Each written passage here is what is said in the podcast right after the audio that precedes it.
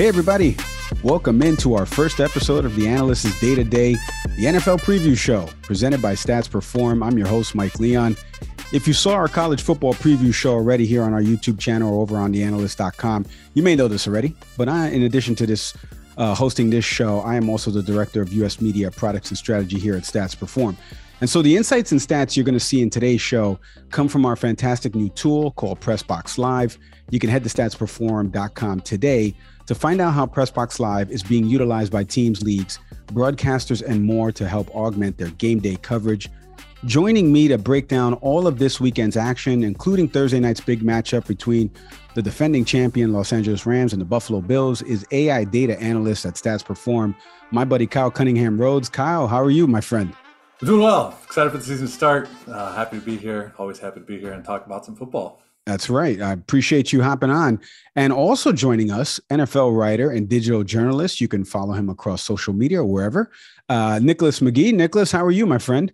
I'm very well, Mike. Thank you. Like Carl, very excited to get some real football after the uh, drudgery of the preseason. That's right. The preseason is a drudge, uh, for lack of a better term. So let's get right into it, boys, because uh, a lot of games coming up here in week one. We're going to be breaking down a bunch of different matchups happening across the AFC and NFC landscape. Uh, finally, the stats count all the preseasons over, all these matchups that are interesting to watch in week one. And then each of us is going to give later on in the program a team to watch from each of ours perspective.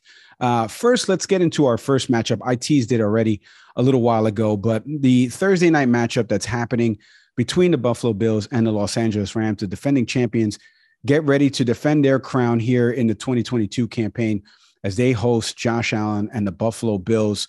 I'm going to turn to each of you for a little bit of statistical analysis and breakdown of it. Uh, KCR, let me go to you first, my friend. Uh, Bills Rams. What is something that you're watching in terms of this matchup? Obviously, we know what happened last year with the Bills and that uh, prolific game against the Chiefs coming up just short. The Bills have added Von Miller, a former Ram defensive end, uh, obviously a legendary defensive end for the Broncos and they feel like they are poised to make a Super Bowl run this year and be the team to represent the AFC. You got the defending champs, Aaron Donald's back, obviously Matthew Stafford, uh, Cooper Kupp, a lot of weapons on the offensive side and defensive side of the ball. Give me some of your takeaways uh, of this matchup happening this Thursday. Yeah, I think uh, uh for for the Rams side, it's it's a lot of the new players um, that they've added. Uh, like you said, Von Miller left to go play for Buffalo. Um, they lost uh, starting quarterback Darious Williams.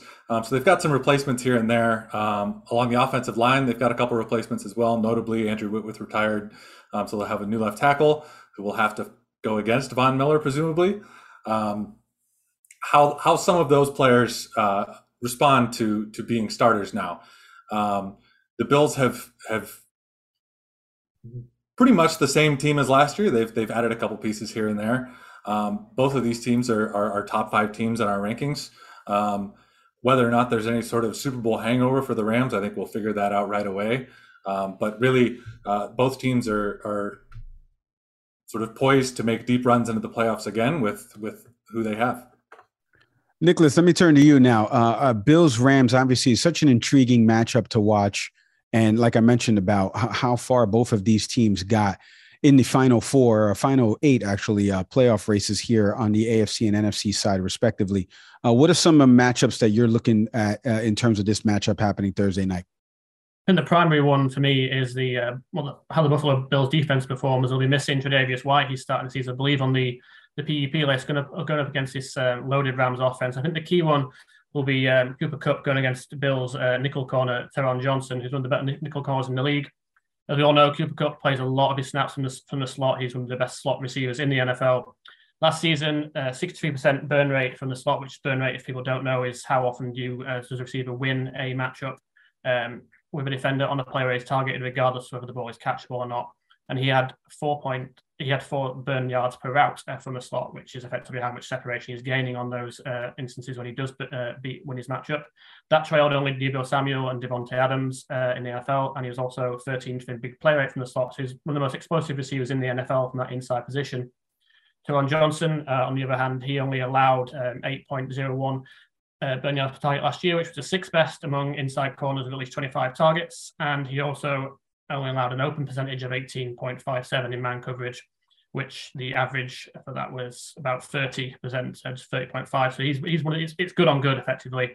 And I think with no White there and with the Bills throwing Kaiir Elam into the mix as a, as a rookie potentially, that matchup on the inside will determine how effectively the Bills are slowing down the Rams and could end up being a key to wins this ball game. Yeah, you know, I, I one thing I wanted to add uh, on top of all of that, you know, Matthew Stafford, and this is a stat presented by Pressbox Live. Like I mentioned, head to statsperform.com today to check out how Pressbox Live can help augment your game day coverage. Excuse me. Uh, the Rams quarterback, Matthew Stafford, is now top 12 all time in completions, passing yards, passing yards per game, touchdown passes, and game winning drives. He's seventh on the list in game winning drives with 42. Um, I'm interested to watch how uh, the Stafford uh, led offense will face against that uh, that Bills defense.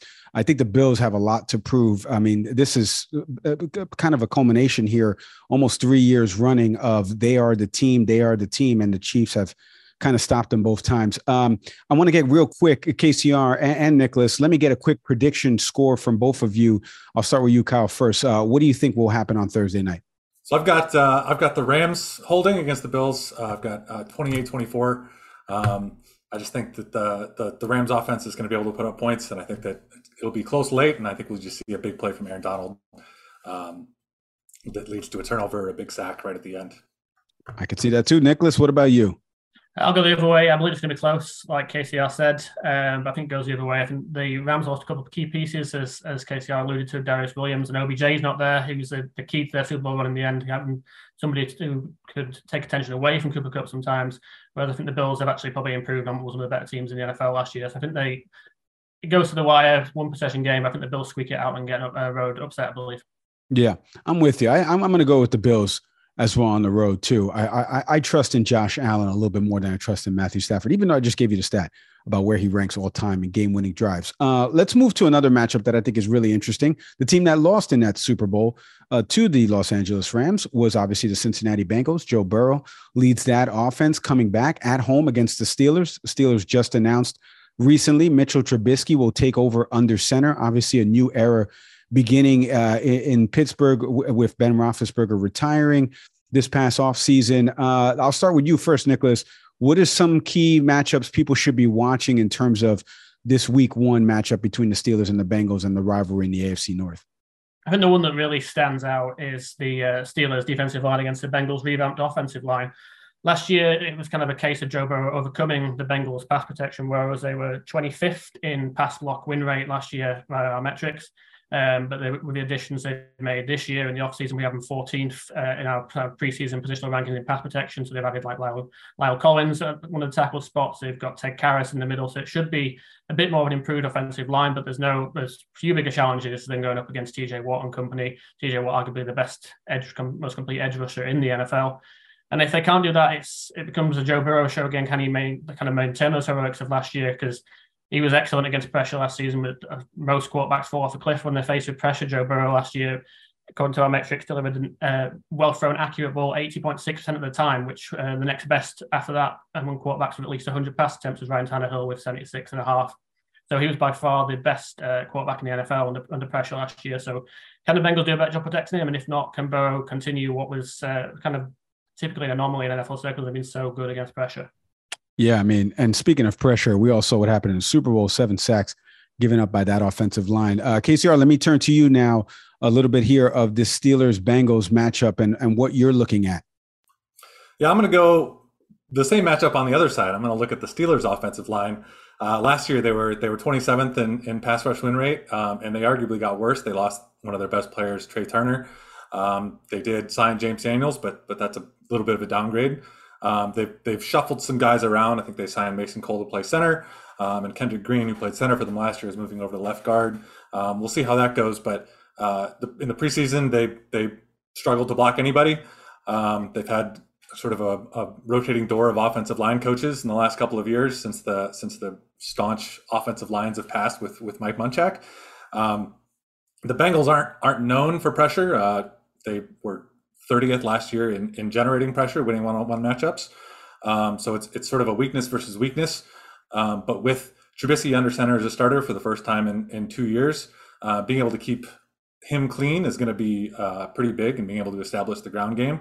Um, the Steelers were not really able to do that last year. That was one of you know Ben's arm was falling off, but one of the reasons why he was constantly trying to get rid of the ball in less than two seconds was because that offensive line just could not hold up. Um, and so being able to to provide any sort of protection whatsoever for for Trubisky is going to be huge because those Steelers wide receivers are a top five unit in the league. Uh, Diontae Johnson, one of the most uh, prolific at getting open. He doesn't have the greatest hands, but um, he's always open. Claypool is a is a huge threat downfield. Uh, both of those guys had had win rates well above league average for wide receivers last year. Um, so being able to hold up long enough to get the ball into those players' hands down the field is is going to be huge for the Steelers. Yeah, I'm excited to watch uh, this game just on the surface because uh, I wanted to give a stat here from Pressbox Live. Uh, the Bengals have a chance now to beat the rival Steelers for the sixth straight time, something that hasn't happened since 1988 to 1990. The quarterback back then for the Bengals, the lefty out of Maryland, obviously Boomer Esiason. A quick prediction from both of you before we move to our next game. Uh, Nicholas, I'll start with you first uh, on the Steelers Bengals game. Uh, I got to go with the Bengals. Uh, I just think there's too much talent disparity on both sides of the ball, particularly on the on the offensive side here. Uh, I think focusing predominantly on the quarterback position, the, the, gap between Burrow and Trubisky is is is a pretty big goal. So I think it'd be, it's tough for me to go anywhere else but the Bengals in this one. I agree, Kyle. What about you? Uh, I've got a pretty low scoring. Um, my model has it as 24-17 Bengals. Um, the Steelers just aren't good enough. Uh, I don't think to to really compete with what the Bengals have to offer right now. Yeah, I'm with you guys. I think week one jitters and, and, and getting everybody and feeling everybody out. I'm curious to see how Trubisky does uh, react. Obviously, we know how Bears fans feel about him. Uh, so we'll see how Steelers fans end up feeling about him. Let's move over to our third game on our list here. Uh, the Saints and the Falcons. Speaking of new quarterback regimes, uh, one happening down in Atlanta. Marcus Mariota is now named a starter. I'm a Raiders fan, so I know about Marcus a little bit as he was the backup to Derek Carr over the last couple years. And now he takes over in Atlanta, hasn't been a starter since he was back uh, with the Titans, and they host the Saints in week one. Uh, give me some of your impressions, KCR. I'll start with you first on this matchup. This is an incredibly interesting division, uh, and the matchup itself now, and seeing what will happen now that Matt Ryan's no longer in Atlanta, he's up in Indy. Uh, give me some of your takeaways and what people should be watching for in this matchup. Yeah, I really think Mariota is is what we're looking at. Uh, I think he's you know he's not been a starting quarterback in the NFL for a couple of years. Um, he's always been pretty accurate, but decision making has always been an issue for him. He's also he's sort of always been sacked at a much higher rate than than what his offensive line is actually giving up. And the Falcons' offensive line is not one of the top offensive lines in the league. Um, they have made a couple changes since last year. They've got a new left guard. Their left guard last year was was not very good, um, and that should help a little bit. Um, and I think the other thing is really seeing how him and Kyle Pitts mesh. I think the the receiving talent we don't really know. I know Drake London is a is a first round pick, um, but you know, absent of, of NFL data, it's really hard to be able to say um, how good he's going to be. Um, but we saw Kyle Pitts' talent last year. Um, really, how he's utilized in the offense with Mariota is going to be a big uh, a big question. I think Mariota is, is has sort of traditionally been a pretty run first quarterback uh, when he's been in the game. Um, and so being able to see uh, how they they mesh the run and probably some some a lot of that sort of Arthur Smith play action boot uh, type stuff to to Pitts down the field. Absolutely true. I mean, as like I said, as a Raider fan, the few times that Mariota has come in has been in a specific package where he's done a little RPO uh, style. Uh, uh, let me get to you, Nicholas, on this matchup, Saints Falcons. What are you looking at uh, here in this matchup happening in Atlanta? Yeah, similar to what Casey asked. I think it's about how the Falcons will use uh, Mariota. We saw in the preseason they went to a lot of kind of pistol formations, and both with, Mar- with Mariota and backup Desmond Ridder, they have made a point of getting them on the move, uh, getting them into to design runs, throwing on the move, kind of like cutting the field in half. I think that'll be key for the Falcons if they're to have kind of like any shot in this game. They're going up against a really talented Saints secondary, which I think was second in the um, in the NFL by our rankings in pass, kind of pass coverage win rate as a, as a group last season. So even with the trade of um, CJ Gardner Johnson, the talented kind of safety slash nickel cornerback, it's still a really imposing secondary with Marshon Lattimore, Paulson Adebo, and the addition of Tyrann Mathieu and Marcus Maye. It's got still a lot of talent back there. So it's kind of all hinge on whether the Falcons have enough with London and Pitts to kind of exploit any holes they get. Because we saw last year when these teams went up in the end of the season, the Falcons offense really struggled in getting anything against the Saints defense. Yeah, I'm excited to watch this game. Like I said, uh, this is, by the way, a quick stat from Pressbox Live before I get a prediction from both of you guys. Uh, the 2015 NFL draft, the top two picks, Jameis Winston, Marcus Mariota, obviously Florida State and Oregon, respectively. They're back together again. Saints have won the last four at Atlanta by an average of seven points per game. So, real quick, Nicholas, I'll, I'll turn to you uh, prediction wise uh, on the Saints and the Falcons. I'm gonna I'm gonna call the upset on this one. I guess I'll stick stick with it. I said it um, earlier in the week. I think you occasionally get a bit of a week on weirdness, and I'm not the I'm not the world's biggest Jameis Winston fan. So I think the Falcons find a way in this one against all the statistics, and they kind of pull off a, a close upset of their uh, arch rivals. Oh, oh, I like that. KCR. What, what, about you, my friend? I'm on the other side. I got I got Saints by six, 26-20. Um, I think that the Falcons really want to live on the ground. I don't really think they want to they want to give Mariota 35 pass attempts per game. Uh, and the Saints were the, the number two defense last year in, in uh, winning uh, run blocking matchups. Uh, they just have too many big dudes on that off, uh, that defensive line. Um, I don't think they'll be able to get anything going on the ground um, and struggle to score points. You know, I, I'm very intrigued by this game just because I really like what Atlanta has done at the quarterback position. I love Desmond Ridder, obviously from Cincinnati. We all saw what he did in last year's crazy run as a group of five team, first time ever in the college football playoff. Um, he's the quarterback of the future. Mariota's the present. And I really just like the way Mariota uh, soaked up a lot from Derek over the last couple years and the way he played for us, you know, in spot starts uh, here and there and different times when he was in in different formations. I, I'm going to go with the upset as well have a friend on the O line there uh, at Atlanta, uh, Mr. Hennessy there from Temple. So I'm going to stick with the Falcons and, and take them in, in, a week one upset as well. I'm, I'm, with Nicholas on that one. All right, now let's turn to a team that is near and dear to my heart, where I want my ashes spread if my wife is listening or watching to this. And that is the Las Vegas Raiders and the Los Angeles Chargers in what will be a home game uh, over there in LA as the Raiders take on the Chargers. Um, everybody knows about what happened last season in the crazy overtime game that kept me up until one in the morning. And the Raiders ended up going to the playoffs and, and facing the Bengals and the Chargers missing out on that field goal by Daniel Carlson there at the end. Uh, obviously, the Raiders have improved on the offensive side of the ball. We know what happened with one of their wide receivers getting arrested. And then they added the best wide receiver in football, arguably, in Davante Adams, a former college teammate of Derek Carr. On the other side, the Chargers the upgrades on the defensive side of the ball. Obviously, adding my, buddy uh, Khalil Mack, uh, a former Raider defensive end and Bears defensive end. So they've made a bunch of upgrades defensively. Herbert's ready and primed for a big season. This is always a fun matchup to watch, especially starting off with a division matchup. We just did that in the last couple of games with Steelers, Bengals, and Saints, Falcons.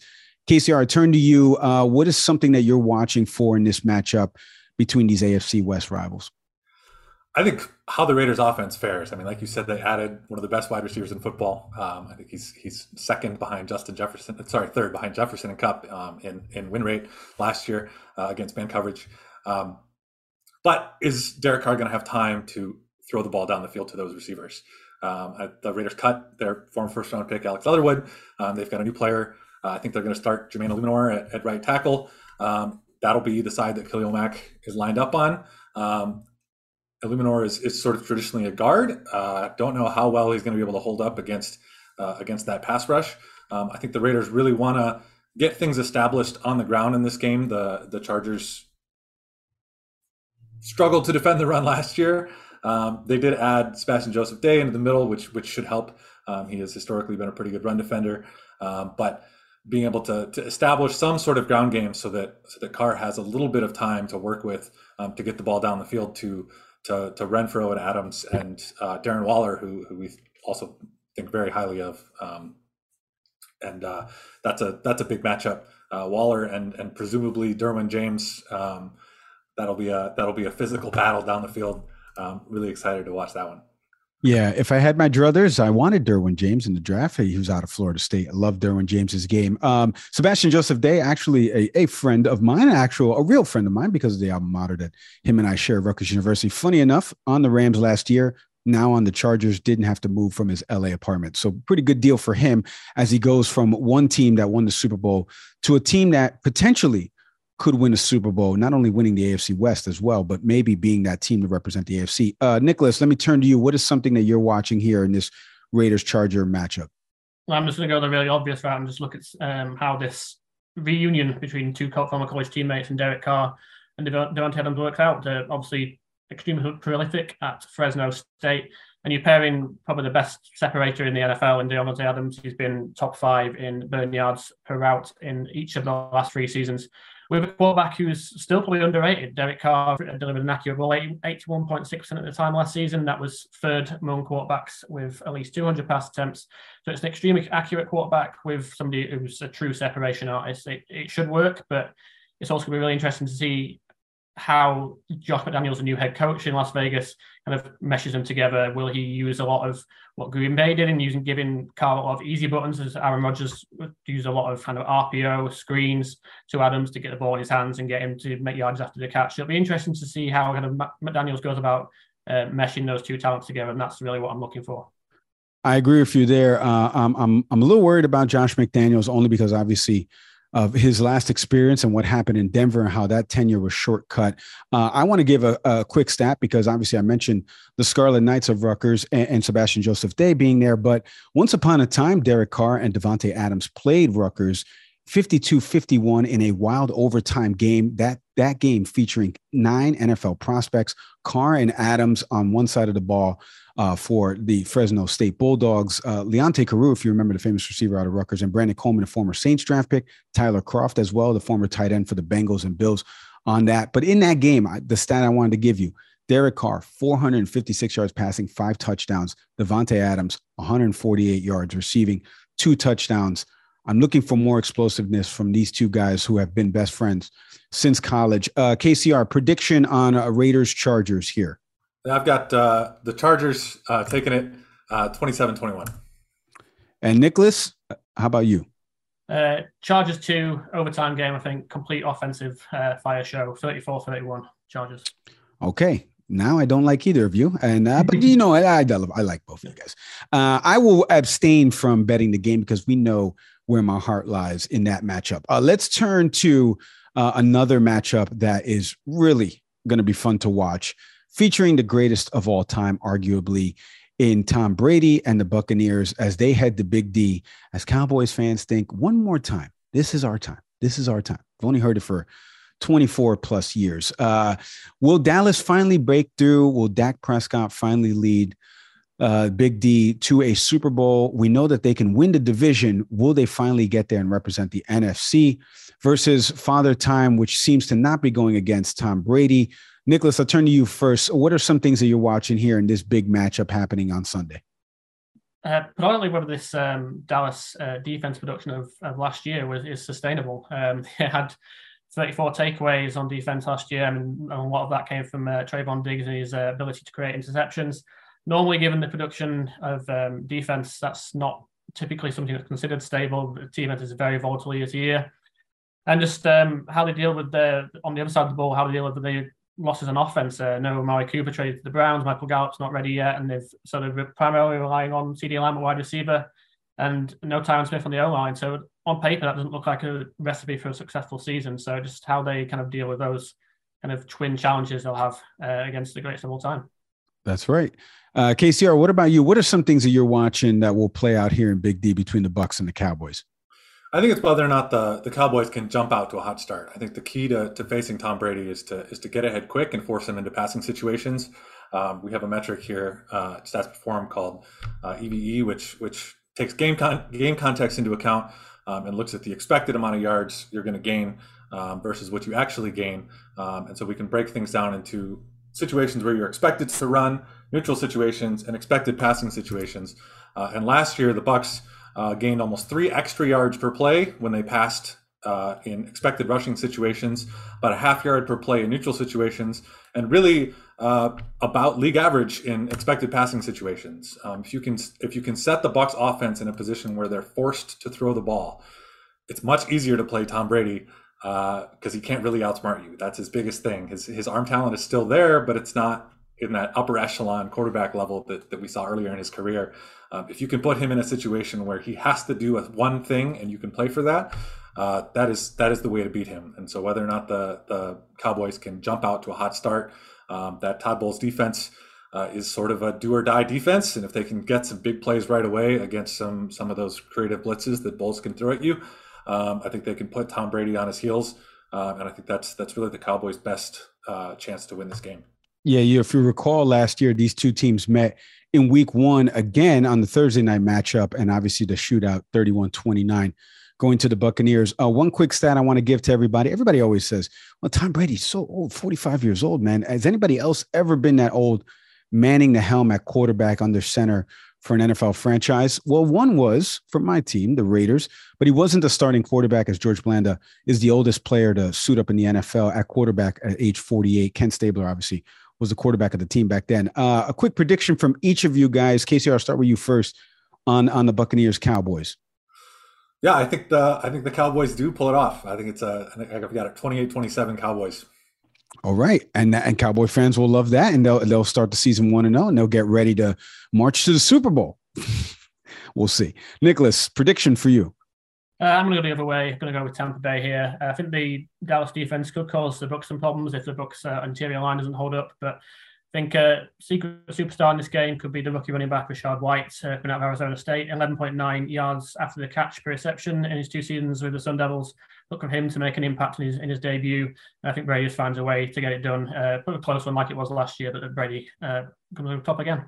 Yeah, that's a by the way, that's a great mention there. And he played under Herm Edwards, obviously a former NFL coach. So almost a pro style offense that they kind of run there. A lot of NFL talent that's come out of ASU, but their coaching staff as well. Marvin Lewis is on that coaching staff. They have a lot of people that have coached in the league. So he's ready to suit up on Sundays. Uh, I'm going to go with you as well. I'm going to take the Buccaneers. I can't bet against Tom Brady. Uh, ever. Uh, I've seen that. Uh, he also fumbled once upon a time in a snow game, but we're, we're going to leave that one out for this uh, episode. Um, okay, let's get into the. I think one of the most intriguing matchups of the entire weekend, and we wrap it all up in, in, Monday as the Broncos take on the Seahawks. We all know what happened this past offseason as Russell Wilson signed a large contract recently to become the Broncos quarterback. Uh, obviously, he played for the Seahawks for so long, took him to a couple Super Bowls, won a title there as well. He returns to Seattle. Seattle has named Geno Sweat, excuse me, Geno Smith, week one starter here. Uh, I'll turn to you first, Nicholas. What are some things that you're watching here as, Russell Wilson gets set to to take on his former team uh, led by Pete Carroll? Again, I'll, go big picture obvious, and it's just whether Russell Wilson can get back to his his best with this uh, Broncos defense playing against a really bad um, Seahawks secondary.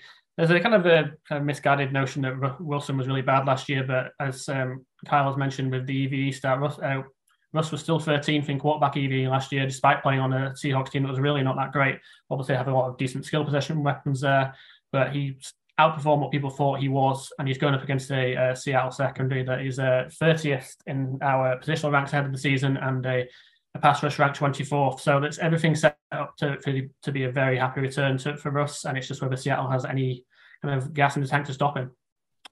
We're going to find out. I, I think I'm telling you, I think it's one of the most intriguing matchups and it falls on the last uh, game day, obviously on that Monday. Uh, Kyle, what, what are some things that you're looking for here in, in the Broncos heading up to Seattle to take on the Seahawks? I think just what the Broncos offense looks like. Um, I think this is going to be. I'm not sure this is going to be a great football game, um, but I think that the the intrigue around one Russell Wilson coming back to Seattle, um, what kind of ovation he's going to get. I mean, he's he was such a good quarterback there for so long, and they they really do love him there. Um, but also just does the does freeing Russell Wilson of the Pete Carroll offense? I know that there's been offensive coordinators in Seattle, but it really has been sort of a Pete Carroll driven um, offense there. Um, what does that look like? I mean, I think losing Tim Patrick uh, to the year for an ACL is is was kind of a big blow, uh, but we we we love Courtland Sutton. We think Jerry Jeudy is great when he's on the field. Um, they're uh, we're, we're, pretty excited to. Um, I know they're they're uh, one of their draft picks, Greg Dulcich, is is on pup, so he's he's not going to be on the field right away. But we love Alberto. I'm not going to try and pronounce his last name. Um, their their starting tight end. Um, whether or not they they put Russ under center and do that sort of run heavy, play action heavy type stuff that Russ has been doing for so long, or if they really open it up, um, put him in shotgun, um, spread the field out, uh, maybe use some use both of those running backs um, with some pony personnel. Uh, what that looks like for for Russ is is really what I'm going to be looking at.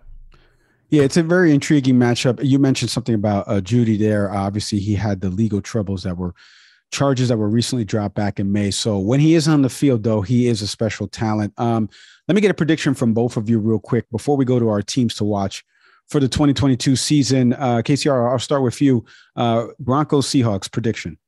Well, I got Russ uh, winning in his return to Seattle at 27 20. Nicholas, what about you? Yeah, I've got the Broncos as well. Um, maybe a little bit more of a kind of lopsided scoreline, kind of two possession game. So I'll go 31 to 20 to the Broncos. Yeah, you know what? That's a good score right there. I, I think it's going to be, you know, the 12th man will play a factor, uh, but the defense will only hold up as much as Geno Smith can actually move the chains and actually put some points on the board. I'll go with the Broncos as well, uh, winning that matchup up there in Seattle, as much as it pains me uh, as an AFC West fan uh, of one of their rivals. Uh, guys, let's do a team to watch for each of us here in the 2022 season. People are going to come back to this video uh, for forever. So make sure you make the right prediction. Don't choose wrong here.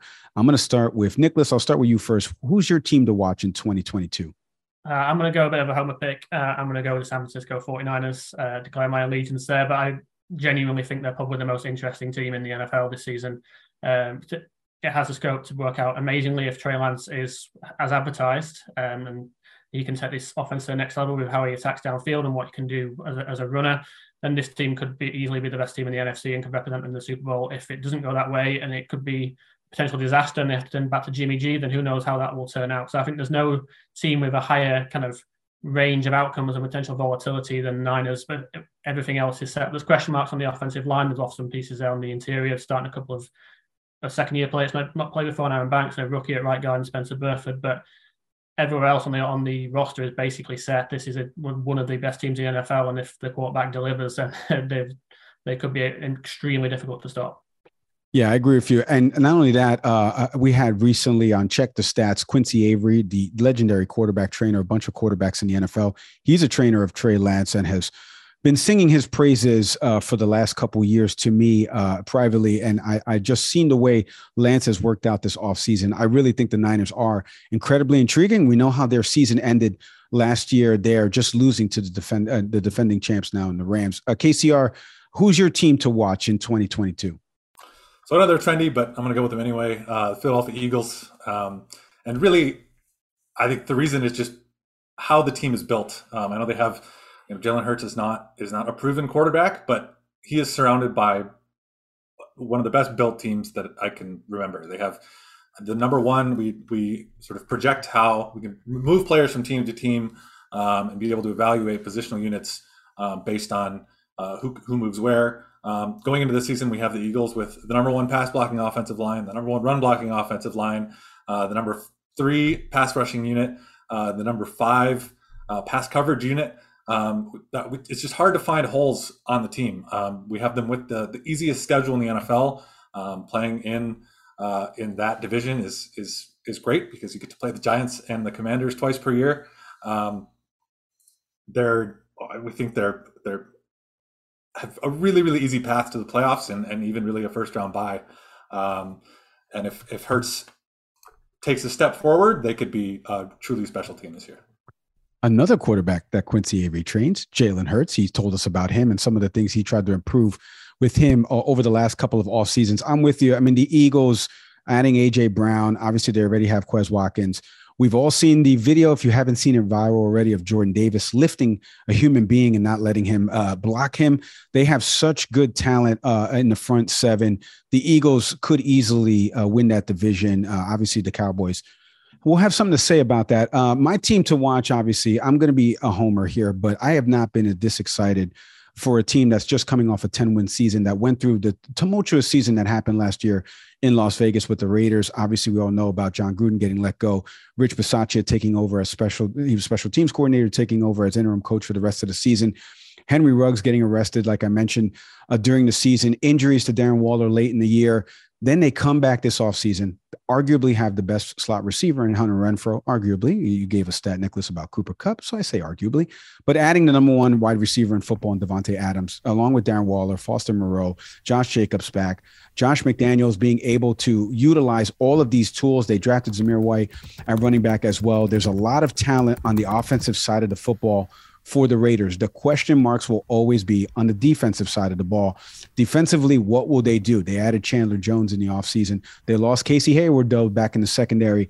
I'm interested to see what this team will do, given not only the talent on both sides of the ball, but the talent in the division. The divisional matchups are going to be incredibly uh, entertaining for all AFC West fans and for fans of the NFL in general. And we just mentioned how the Raiders played the Chargers in week one, but we know Patrick Mahomes and the Chiefs will have something to say about the division.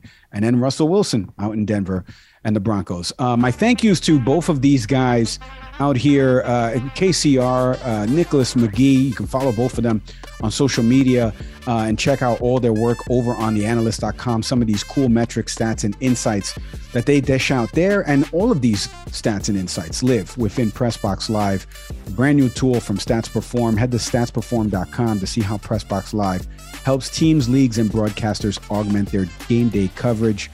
For Mike Leon, Kyle Cunningham Rhoads, Nicholas McGee, thank you so much for tuning in to our NFL day to day preview show. Uh, we'll be back throughout the season with more uh, look around the league, matchups to watch, who will win the MVP race, and more. We thank you. Subscribe to the YouTube channel here on The Analyst, or you can check this out audio podcast platform wise over on theanalyst.com. We'll see everybody next time.